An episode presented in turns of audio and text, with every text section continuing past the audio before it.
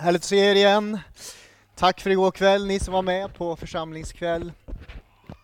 Och så missar man den, då är det en chans till. Och man behöver inte komma på två, utan man väljer en. Och då kan man anmäla sig till mig för att vi lagar mat. Det är därför jag behöver veta vilka som kommer. Så eh, nästa lördag, det sa vi, men jag vill säga det igen tydligt. Eh, klockan 17.30 är det. Eh, till klockan 8. Jätteviktigt för då får jag samtala med er och undervisa om det som står framöver i församlingen med att byggande av nya hemgrupper och så lite andra, man får ställa frågor och lite sådär. Nu ska jag predika och jag fortsätter i, jag har predikat om kyrkan, församlingen här i hela, eller slutet på sommaren och hela augusti och i september. Jag fortsätter med det, det finns hur mycket som helst att säga. Och idag ska jag tala om kännetecken på en nytestamentlig eh, församling utifrån Jesu bön i Johannes 17. Han ber för oss lärjungar, han ber för församlingen och när han ber så märker jag att det, det är någonting som präglar den, den, församling han ber för. Det finns några kännetecken där som man kan se, några ord han använder. Och jag kommer ta två av dem idag, det finns mer att säga men jag, jag, hann, jag hinner inte säga mer än två saker idag. Um, det är snart val i Svenska kyrkan, eller hur? Eller idag är det ju. Och det berör inte oss jättemycket, men det berör ändå oss för att jag tänker att en del av er fortfarande är medlemmar där. Jag är ju inte det och jag behöver inte gå in på det, men, men du vet att i den här församlingen finns allt du behöver. va? Det finns en pastor, Eh, Sylvia dog, hon begravs av Lasse, det finns liksom en byggnad, det finns massor som du behöver i den här församlingen, så egentligen behöver man inte vara med i två. Men du kanske av någon anledning vill det, det är helt okej, okay, och då kan du rösta idag. I annonser så står det så här just nu, jag vet inte om jag läst det i annonsnytt och så här, då står det en bild på Svenska kyrkan, och så står det så här, vad vill du att Svenska kyrkan ska göra? är deras fråga. Och det där kan ju, det låter ju fint att man frågar liksom människor som ska rösta, vad vill du att vi ska göra? Men det är otroligt öppet. Du kan ju svara tusen olika saker och då tror jag man har problem. Jesus ställde ju liknande frågor. Vad vill du att jag ska göra för dig? säger han ju till eh, den blinde Bartimaeus till exempel. Men jag tror att det blir problem om vi ställer frågan åt det hållet till människor. Vad vill du att den här kyrkan ska göra eh, för dig? Istället så ställer jag mig frågan till texten. Eh, som jag läser. Vad kännetecknar den kyrka som Jesus ber för? Vi vänder på det. Vad vill Jesus att det liksom ska märkas? Vad ska det vara för utmärkande drag i hans kyrka när han ber för den? Så vänder vi på det. Därför att Jesus har sagt i Matteus, jag ska bygga min kyrka, han sagt. Det är hans kyrka. Och dödsrikets portar ska aldrig få makt över den. Alltså det är en levande Gudens församling han predikar om. Det här gör man inte vad som helst med. Det är en helig, avskild eh, grupp människor som är avskilda för Gud. Det är hans församling. Och då måste man börja tycka det Jesus tycker och säga vad han säger. Och han har lovat att bygga sin kyrka. Nu ska vi be och så ska jag läsa texten. Tack Jesus. Tack Herre att det är egentligen inget, inget val för oss vad kyrkan ska vara utan eh, du har sagt i ditt ord vad du vill att din kyrka ska vara här på jorden. Vad du vill att vi ska göra. Och jag ber Herre i den här stunden att vi ska förstå ditt ord, vi ska förstå din bön eh, och din längtan för oss Herre. Vi ber så i Jesu namn. Nu kan du slå upp din bibel och så slår du upp eh, Johannes 17 och slår du inte upp det så hamnar det på skärmen här. Men eh, ja, ni vet ju vad jag tycker. Jag har gjort ganska tydligt så jag ska sluta säga det, men ni vet ju i alla fall. Okej, Johannes 17 och 1, slå upp det. Och så har vi läst det och så har du sett det och så har du känt på papperna här. Liksom, det är bra. Då står det så här. Efter att ha sagt detta, Jesus har alltså predikat, precis som jag gör nu. Och ni vet efter man predikar, vad gör man då? Vad brukar predikanten göra när han har predikat? Han brukar be. Och det är det Jesus kommer göra nu. Efter att ha sagt detta, han har undervisat, så börjar han be. Då lyfte Jesus blicken mot himlen och sa Fader, stunden har kommit förhärliga din son, så att sonen kan förhärliga dig. Du har gett honom makt över alla människor för att han ska ge evigt liv åt alla dem som du har gett honom. Och detta är det eviga livet, att de känner dig, den enda sanne guden och honom som du har sänt, Jesus Kristus. Om du undrar vad evigt liv är, det är att känna Jesus Kristus, faktiskt. Fortsätter. Jag har förhärligat dig på jorden genom att fullborda det verk som du har gett mig att utföra. Förhärliga nu mig hos dig, Fader, med den härlighet jag hade hos dig innan världen var till. Hoppar till vers 9. Jag ber för dem, alltså oss, kyrkan. Jag ber inte för världen utan för dem som du har gett mig, eftersom de är dina. Allt mitt är ditt och allt ditt är mitt. Och jag har förhärligats genom dem. Vi hoppar till vers 22. Den härlighet som du har gett mig har jag gett dem för att de ska bli ett och för att liksom vi är ett. Jag är i dem och du i mig. De ska fullkomnas och bli ett. Då ska världen förstå att du har sänt mig och älskat dem så som du har älskat mig. Fader, jag vill att de som du har gett mig ska vara med mig där jag är för att de ska få se min härlighet. Den som du har gett mig eftersom att du har älskat mig redan före världens skapelse. Alltså jag brukar ibland säga så här, det, be enkelt liksom. Det, det, det, är bra. Be med de ord du har, men när Jesus ber, det här är inte enkelt tänker jag. Han har verkligen fina ord. Men det första jag vill säga, den första punkten, det är att varje nytestamentlig kyrka, våran kyrka, alla kyrkor behöver reflektera Herrens härlighet. Det är uppenbart i den här texten. Det är det vi är satta här att göra. Vi ska reflektera och vara Herrens härlighet. Åtta gånger läste jag om ordet härlighet, eller förhärliga. Åtta gånger bara den här texten. Det är liksom hela uppdraget att vara kyrka. Det är det här ordet, jag vet inte om ni har hört det ordet förut, men förhärliga, det, det är liksom... Jag ska förklara det. Det är som eh, i jul sjunger man en engelsk sång, Glory, glory, halleluja, det är samma sak. Men ordet förhärliga betyder någonting och det ska jag tala om. Vad betyder det egentligen? Om det är så viktigt att Jesus ber för sin kyrka, att den ska präglas, den ska kännetecknas av hans härlighet och förhärliga honom. Två saker med härlighet och förhärliga. Det är någonting du kan se, det är någonting du kan känna, det är någonting du kan uppleva och det är någonting du kan göra. Det är det första jag vill tala om. Det är någonting du kan liksom vara med om, att uppleva Herrens härlighet. Det är när man kommer till en plats där det är lovsång eller bön och så uppfylls rummet av Guds ande. Hans härlighet är där. Man förnimmer det, man anar det, man upplever det, man känner det. Gud är här. Detta är Betel, Guds hus. Hans härlighet är där. Det är någonting vi kan uppleva, hans härlighet. Det fyller rummet och när det fyller rummet så blir det på våra läppar ett wow. Gud är här. Wow. Men samtidigt händer något inom oss. Det blir ett hjälp. Han är så stor, han är så ljuvlig, han är här med sin härlighet. Men hjälp, jag behöver hans nåd, hans förlåtelse. Det sker i en gudstjänst när Jesus blir förhärligad. Det börjar med ett wow, en förundran över vem han är, vad han har gjort.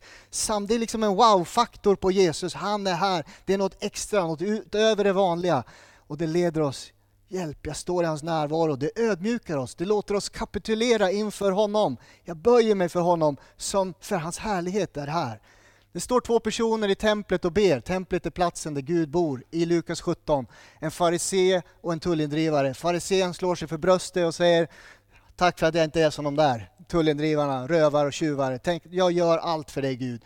Han liksom är stolt och så står eh, farisén där bredvid, och så, eller tullindrivaren där bredvid och han böjer sig. För han är i närvaron av Gud och förstår, var nådig mot mig Gud. Förbarma dig över mig. Samtidigt som vi upplever, wow, Gud är här, så vill vi böja oss, kapitulera inför honom och bekänna, och jag behöver dig Gud. Det är Herrens härlighet, vi kan uppleva det starkt. Jesaja, profeten i Gamla Testamentet, han upplever precis det här. Kommer på texten här från sjätte kapitlet i Jesaja. Då står det så här. Det år då kung Usia dog såg jag Herren. Det är Jesaja som ser. Han satt på en hög och upphöjd tron och hans mantelsläp fyllde templet.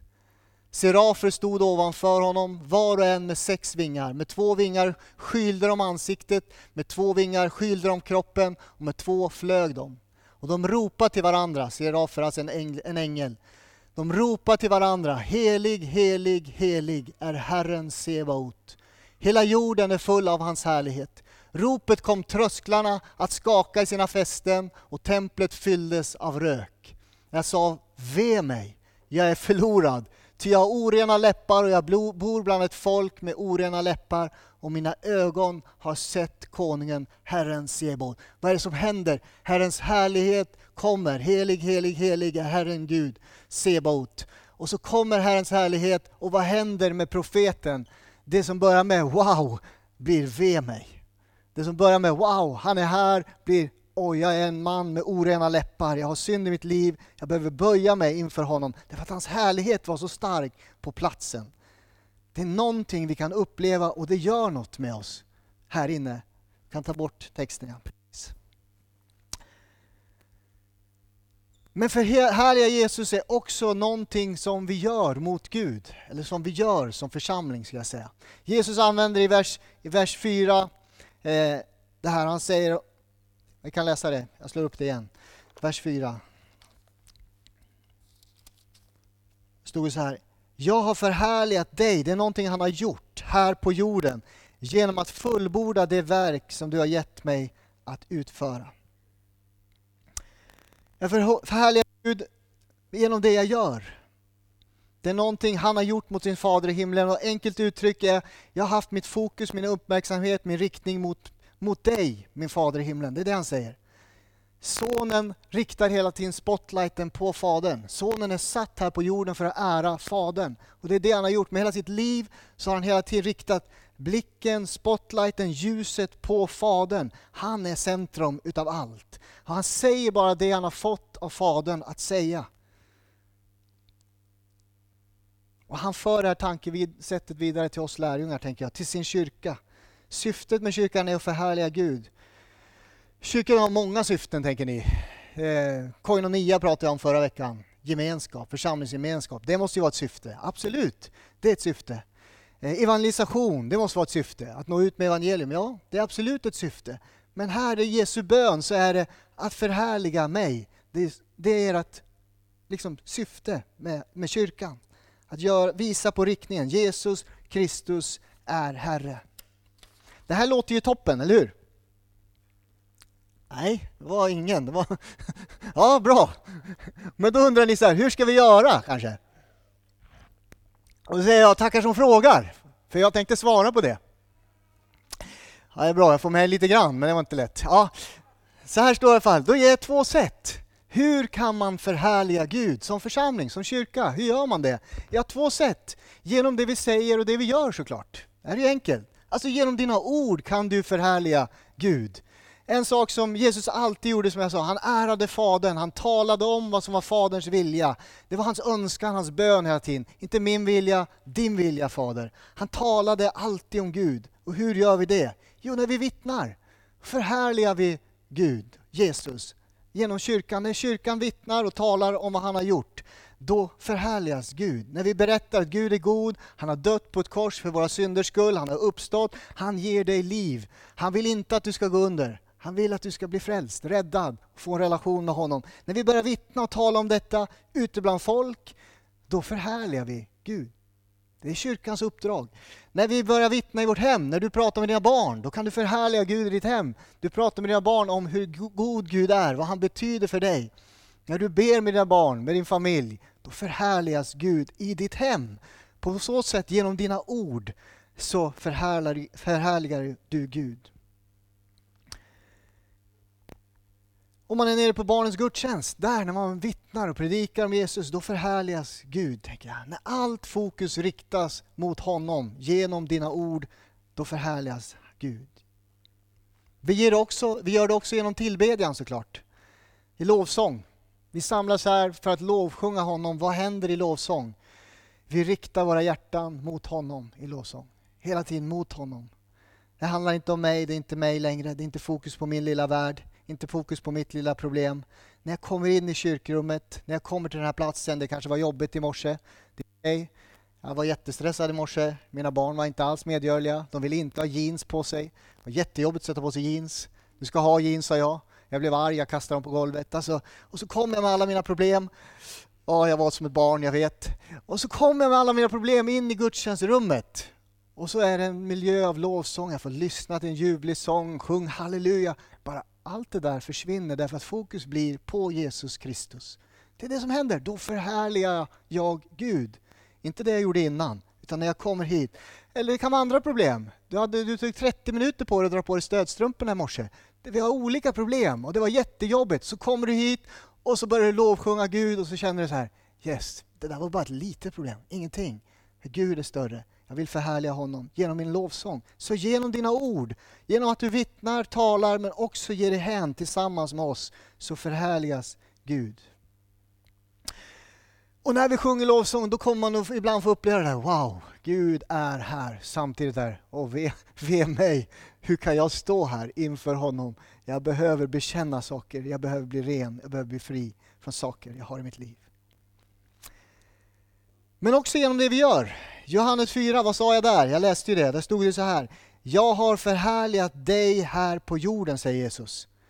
Det fantastiska med Bibeln, det är ju att i samma mening, eller ganska ofta, så förklarar han själv vad han menar. Och i den här en enda mening förklarar han, hur har han förhärligat Fadern? Genom att fullborda det verk som du gett mig att utföra.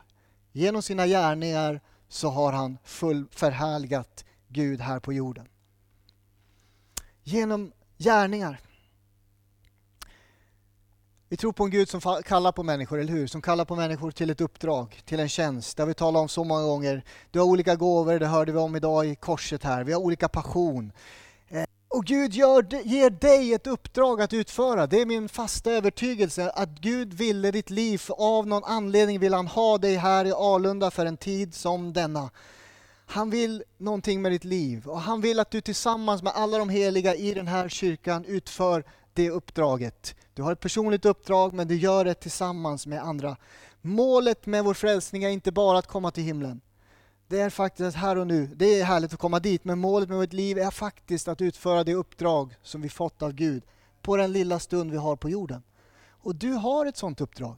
Det är för dig. Han räknar med dig i det här. I Alunda, i denna tid, så kan du få vara med och fullborda hans verk och förhärliga honom genom det du gör. Jag skulle säga de två bästa dagarna i ditt liv är den dag du föddes. Det är inte alla som håller med om det. Varför föddes jag? Det är en ganska kämpig fråga som en del går med. Men de två bästa dagarna i ditt liv är den dag du föddes och den dag du förstod varför du är född. Du är född för att ära och förhärliga Gud och för att utföra det uppdrag han har satt dig att göra. Det kan vara stort, det kan vara smått. En del uppdrag de syns runt om hela jorden när kristna gör fantastiska saker, men många uppdrag syns inte, det är kanske bara Gud som ser det. Men du är i det uppdrag Gud har för dig, den kallelsen du har för dig. Och du vet om det. Och när du upptäcker det här, du fattar att du är rätt, då mår du bra. Jag lovar. Vad du än har för uppdrag så kommer det ge dig glädje. Om du lever ditt liv, om du väljer idag att leva ditt liv för att förhärliga Gud så lovar jag att du kommer inte ångra dig den dagen det, det är snart dags att dö. Liksom. Du kommer inte ångra dig. För du kommer inte fundera varför gjorde jag inte det här och inte det här. Nej, jag valde att i mitt liv förhärliga Gud genom att göra det som han hade talat till mig om och leva ut det i den här tiden. Du ångrar dig inte då. Så, kyrkans uppdrag, den nytestamentliga kyrkan som Jesus ber för, den är till för att förhärliga honom. Det andra kännetecknet, och det är lite kortare, men jag vill säga det ändå. Det andra kännetecknet på en kyrka, det är en kyrka, när jag läser den här texten, och vi ska läsa ifrån vers 6, då står det så här.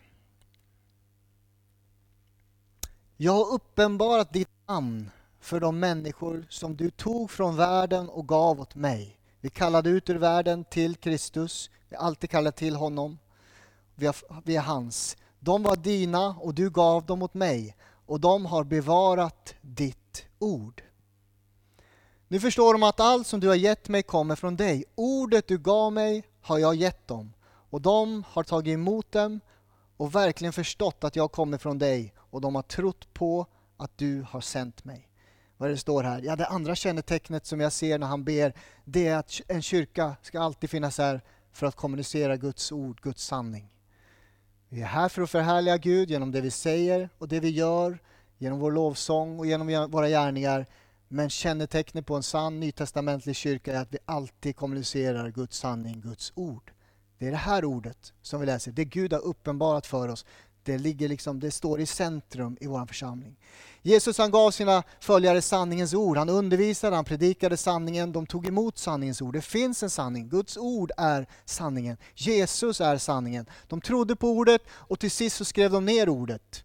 Nya testamentet och gamla testamentet är Guds ord. De sant troende är de som tar emot Guds ord som är sanningen. Det är kyrkans uppgift, vårt uppdrag att kommunicera sanning. Det viktigaste i kyrkan är inte hur många parkeringsplatser har vi här så att vi får plats med alla. Nej, det är att kommunicera Guds ord. Det viktigaste är inte om vi dricker ekologiskt kaffe varje gång eller Fairtrade-bananer käkar vi jämt. Det är inte det viktigaste. Det är inte att gå i miljötåg och demonstrera för miljön. Hur viktigt det än är, så är faktiskt när Jesus ber för oss, vi, ska, vi är satta här för att förhärliga Gud och för att förkunna, kommunicera Guds sanning som är ordet. Ibland graderar man en kyrka om det är en bra kyrka eller inte. Ni kanske inte gör det, men i idoltider, det har varit 20 år nu i Idol, men man, man utvärderar ju allt. Sitter hemma och utvärderar den här gudstjänsten kommer ni göra. Eh, som en liten jury. Var det bra? Det han sa var det inte bra. I varje fall, vi utvärderar så kan man gradera kyrkor. Var den här kyrkan bra för mig? Var verksamheten bra för mig? Och det är viktigt att den är bra för dig. Eh, var den här bra för mina barn? Eh, hela tiden så fick det här mig att må bra.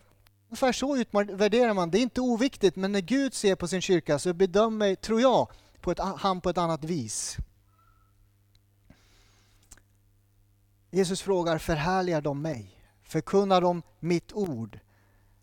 Är det, liksom, det är det våra ledord handlar om. Vi vill vara en församling som älskar Jesus, som älskar Gud, varandra och andra människor. Vi vill vara en församling som lever i missionsbefallningen. Med hjärta för världen når vi ut med evangelium. Både i tjänst, för det socialt behövande och genom att ge evangelium.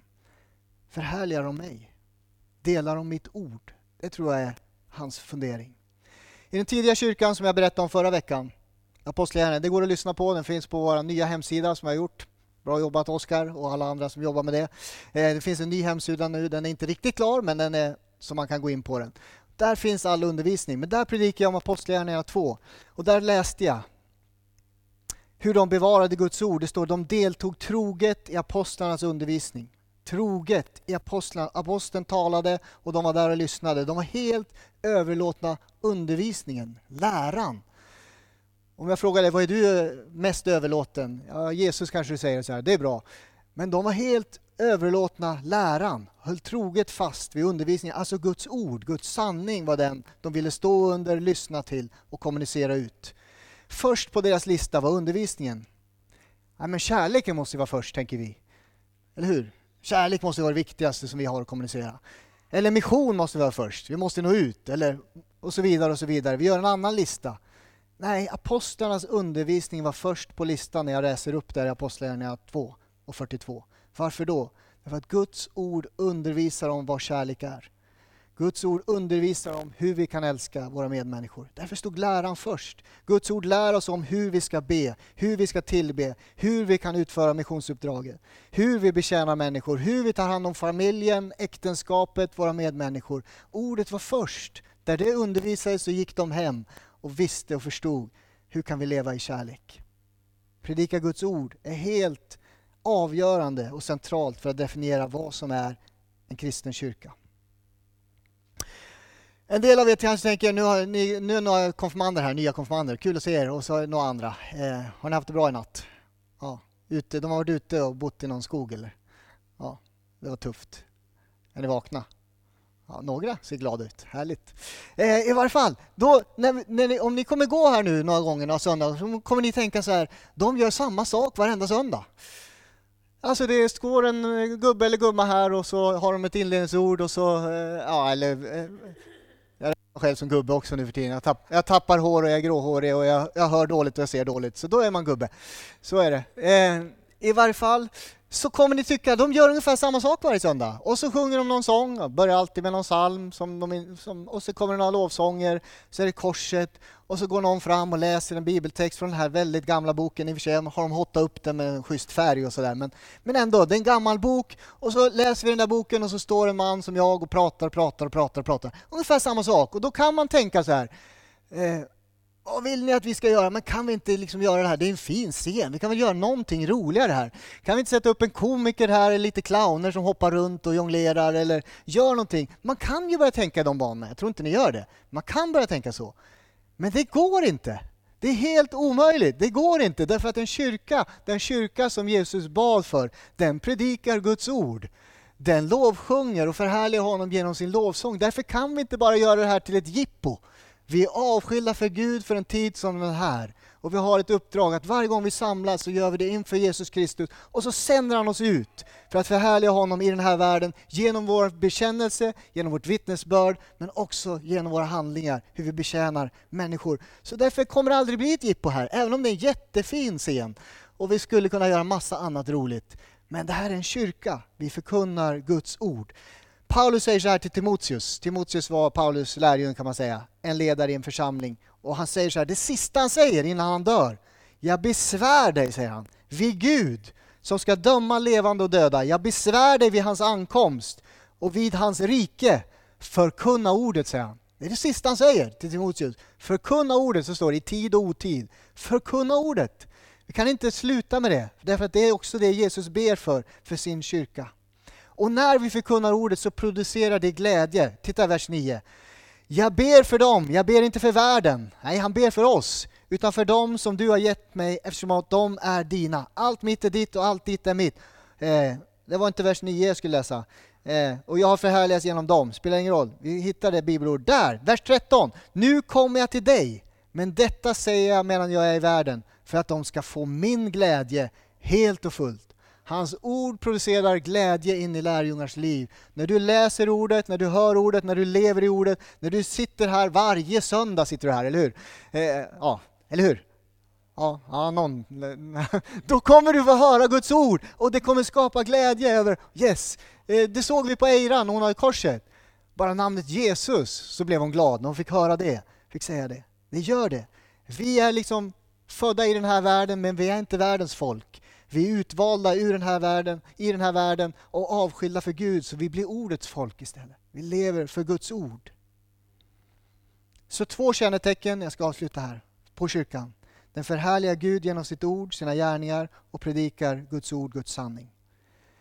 Då låter Gud sin härlighet falla och så upplever vi ett gemensamt wow som kan leda till ibland, ve mig, jag kapitulerar inför dig, helig Gud. Jag ber vi, tacka Jesus för det här. Tack Herre, tackar Jesus för ditt ord. Jag kan inte be så vackert som du Jesus, men eh, jag förstår att ditt ord är riktigt, det är sant, det är sanning och den befriar mig Herre. Tack Jesus att spotlights alltid ska vara på dig. Att genom våra liv så vill vi lysa upp vem du är. Vi vill göra dig tydlig och synlig genom vår lovsång, genom våra gärningar, genom våra ord som vi talar Herre. Låt oss inte tala andra ord än bara sådana ord som visar på vem du är, Herre. I våra hem, ute i samhället, på vårt jobb. Låt oss tala ord som förhärligar dig, Jesus. Låt oss göra gärningar som förhärligar dig, Jesus.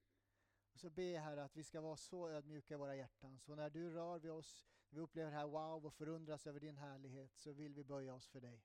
Förbarma dig över oss, är vår bön då, Herre. Jag ber att den här kyrkan ska stå fast i ditt ord, alltid förkunna din sanning, Jesus. Det är vårt uppdrag hela tiden. Lyfta upp ordet på den här platsen. Ber så i Jesu namn.